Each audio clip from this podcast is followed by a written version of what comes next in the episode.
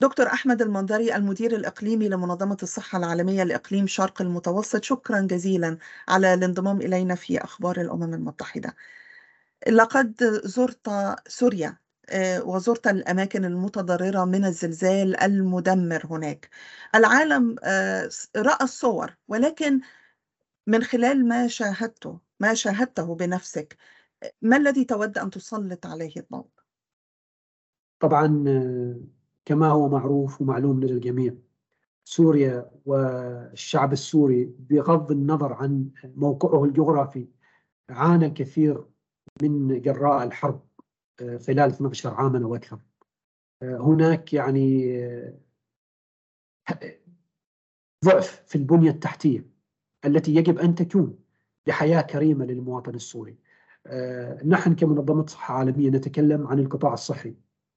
القطاع الصحي عانى معاناة آه، كبيرة جدا من حيث آه، يعني الهشاشة والنقص في مختلف الأوجه.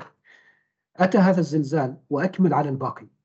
فخلال الزيارة لاحظنا يعني حجم الكارثة آه، فوق الوصف فوق ما يتصوره الإنسان.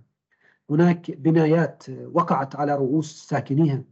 هناك أطفال فقدوا أهاليهم، هناك رجال ونساء فقدوا آه، زوجاتهم وأزواجهم وأبنائهم. آه، هناك آه، جرحى ومرضى يعني في المستشفيات. وفوق هذا طبعا زد على عليه كما ذكرت نقص وهشاشه في النظام الصحي بحيث أنه لم يتمكن من تقديم الخدمات الصحية اللازمة. فعلى سبيل المثال 50% من المؤسسات الصحية في سوريا لا تعمل بسبب الحرب وجراء الحرب. أتى هذا الزلزال وأكمل على الباقي. فممكن القول أنه هي الزلزال هذا هي القشة التي قصمت ظهر البعير. البعير. هناك ما يقارب من خمسة ملايين شخص تأثروا من جراء هذا الزلزال. في حلب على سبيل المثال آخر الإحصائيات تشير إلى أنه يوجد 200 ألف شخص بلا مأوى. وطبعا آه، الكثير من الناس لم يتمكنوا من الحصول على الخدمات الصحية وخصوصا المرضى الذين يعانون من الأمراض المزمنة. قابلت شخصيا كبار بالسن آه، كانوا يأخذوا أدوية السكر والضغط. الآن لم يتمكنوا من الحصول عليها على الرغم من الصعوبات السابقة. الآن فقدوا هذه المقدمة. هناك انتقادات بأن المساعدة الدولية بشكل عام تأخرت في الوصول إلى سوريا وأنها غير كافية حتى الآن. ما الذي تود أن تقوله بالنسبة لاستجابة منظمة الصحة العالمية؟ نعم. هو طبعا آه، أنا أتكلم آه، من منظور منظمة الصحة العالمية ولكن الحق قال المنظمات الأممية الأخرى. آه، نحن كمنظمة صحة عالمية ولله الحمد تمكنا من اليوم الأول من الوصول إلى المناطق التي تضررت لأنه لدينا فريق على سبيل المثال في حلب لدينا فريق في اللاذقية لدينا فريق في المناطق الأخرى. في المناطق التي في في شمال سوريا وليست تحت سيطرة الحكومة. كذلك لدينا منظمات أممية آه، غير حكومية وطنية ودولية آه، متعاقدين معها للوصول لتلك المناطق. فتمكنا من إيصال المستلزمات الطبية بمختلف أنواعها. تمكنا من آه، تقديم التدريب الكافي واللازم قصدي اللازم للمؤسسات الصحية والعاملين في المؤسسات الصحية. تمكنا من دعمهم فيما يخص المسوحات المطلوبة. على سبيل المثال في اليوم آه، أول أمس عند وصول المدير العام تم آه، يعني تسليم ما يقارب من 37 طن متري من المساعدات الطبية التي تشمل يعني ال trauma kits هي الخاصة بالعمليات الصغيرة. وكذلك المضادات الحيوية للالتهابات الرئويه على سبيل المثال والمستلزمات الطبية الأخرى.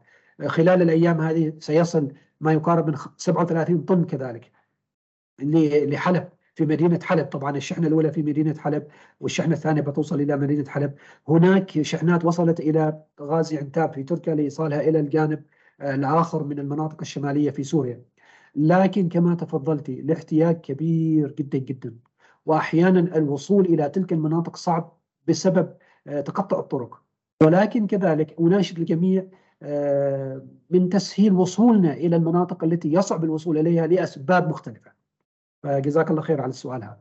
ما أكثر الاحتياجات إلحاحا في الوقت الحالي في سوريا؟ وأيضا أكبر التحديات التي تواجهها المنظمة في الاستجابة لهذه الاحتياجات؟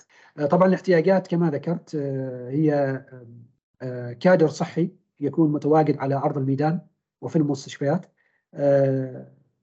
زرت خلال الفترة الماضية في اللاذقية وفي حلب. مستشفيات ينقصها على سبيل المثال الأشعة المقطعية وأشعة أشعة الرنين المغناطيسي وإن كانت موجودة فهي أجهزة ومعدات قديمة. يعني قد تكون من من التسعينيات القرن الماضي آه، من 2006 آه، إذا إذا تعمل فهي تعمل بجوده ودقة ضعيفة جدا. أتى الزلزال وأكمل على الباقي تهشمت هذه الأجهزة.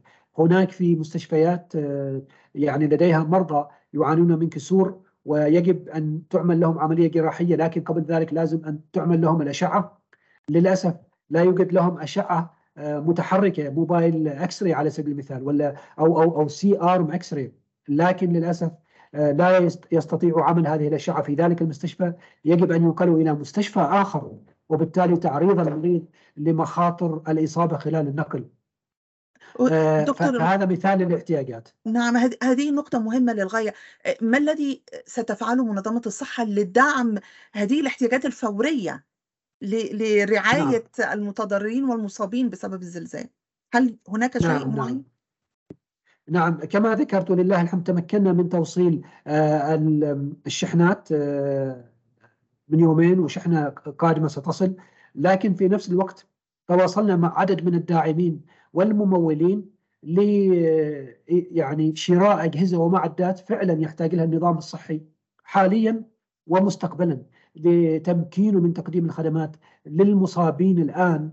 ولكن على المدى البعيد كذلك يتمكن من تقديم الخدمة اللازمة لهؤلاء الأفراد لأنهم آه، لن يعني هي فقط ليست مسألة فقط ساعة أو ساعتين أو يوم أو يومين من تقديم الخدمة الصحية. قد تمتد إلى مثلا سنة كاملة من المتابعة المستمرة لذلك المريض. فبدأنا بالتشاور مع الداعمين والممولين ولله الحمد. هناك نجاحات. يعني بدأت آه، بوادر الخير تظهر من حيث آه، طلب هؤلاء الممولين من آه، إيصال ما هو مطلوب وما هو ما هي الاحتياجات الحقيقية للنظام الصحي هناك. تحدثت دكتور المنظري عن آه، الوضع الصحي قبل الزلزال وصعوبة الوضع في سوريا. وما تأثير ذلك الآن؟ ما تأثير الزلزال على آه، الوفاء باحتياجات السكان الصحية الاعتيادية وخدمات منقذة للحياة مثل التحصينات على سبيل المثال؟ فعلا فعلا. هو طبعا كما ذكرت آه، ريم يعني إنه الزلزال أتى على ما تبقى من النظام الصحي في سوريا. آه، يعني إن صح التعبير بالعربي كما يقال هي يعني الزلزال هي القشة التي قصمت ظهر البعير. آه، هناك كما ذكرت نقص في الكادر البشري وفي الأجهزة والمعدات. هناك مرضى يعني لا يستطيعون الحصول على الأدوية الخاصة بالأمراض المزمنة على سبيل المثال السكري أو الضغط أو أمراض القلب. سابقا الآن لا تتوفر. قابلت شخصيا مرضى آه، يعني لجأوا إلي لتوفير أدوية الضغط لهم ولزوجاتهم. يعني كبار السن آه، تواصلت مع المستشفى ومع المحافظ على سبيل المثال في حلب واستجابتهم كانت سريعة يعني لتوفير هذه الأدوية. هناك رجل يعني كبير بالسن ذكر لي للأسف أنه آه، نصف راتبه الشهري يذهب لشراء أدوية الضغط والسكري له ولزوجته. طبعا بلغت المحافظ ووزير الصحة عن هذا الموضوع. التقينا في إحدى الكنائس خلال زيارة إحدى الكنائس يعني كملجأ أو مأوى في حلب. والتقينا بامرأة تقول أنا لدي سرطان وأعاني من نقص الأدوية مع كارثة الزلزال. فهذه يختارين يعني مثال على فعلا الاحتياجات الحقيقية لأهلنا في سوريا هناك بغض النظر عن موقعهم الجغرافي سواء في المناطق التي تحت سيطرة الحكومة كما يقال أو في الشمال السوري آه، الذي خارج عن سيطرة الحكومة.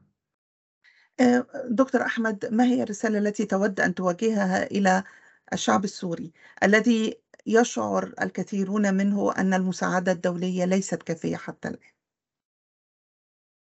جزاك الله خير ريم. يعني هي طبعا رسالتي للشعب السوري أنه آه، يعني إحنا يعني جميعا كمنظمات أممية وعاملين في هذه المنظمات معكم جنبا بجنب. آه، نحن يعني نحس بما تعانون منه يعني سابقا والآن. آه، ونؤكد لكم أننا ملتزمون بتقديم كل أنواع الدعم بكامل طاقتنا حتى نتمكن من تخفيف المعاناة التي مررتم بها سابقا ومع هذا الزلزال.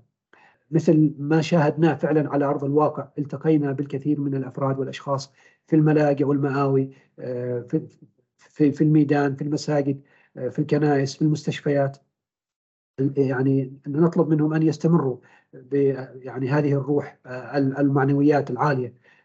رسالتي كذلك لإخواني واخواتي العاملين في القطاع الصحي أن يستمروا في الحفاظ على مستواهم الراقي والقوي في التعامل مع الكارثة وتقديم الخدمة الصحية للمصابين، تقديم الدعم المعنوي للذين فقدوا أحبائهم آه، يعني خلال هذه الكارثه. فهذه جزء من الرسائل التي أود أن أوصلها لأهلنا في سوريا، طبعا خلال زيارتي لمدة خمسة أيام وكان آخر يومين مع المدير العام آه، تمكنا من الحديث مع الجميع والتواصل مع الجميع ورسائل كثيرة تمكنا من بثها خلال هذا اللقاء سواء لاهلنا في سوريا للداعمين والممولين أو المجتمع الدولي من خلال مختلف المنصات.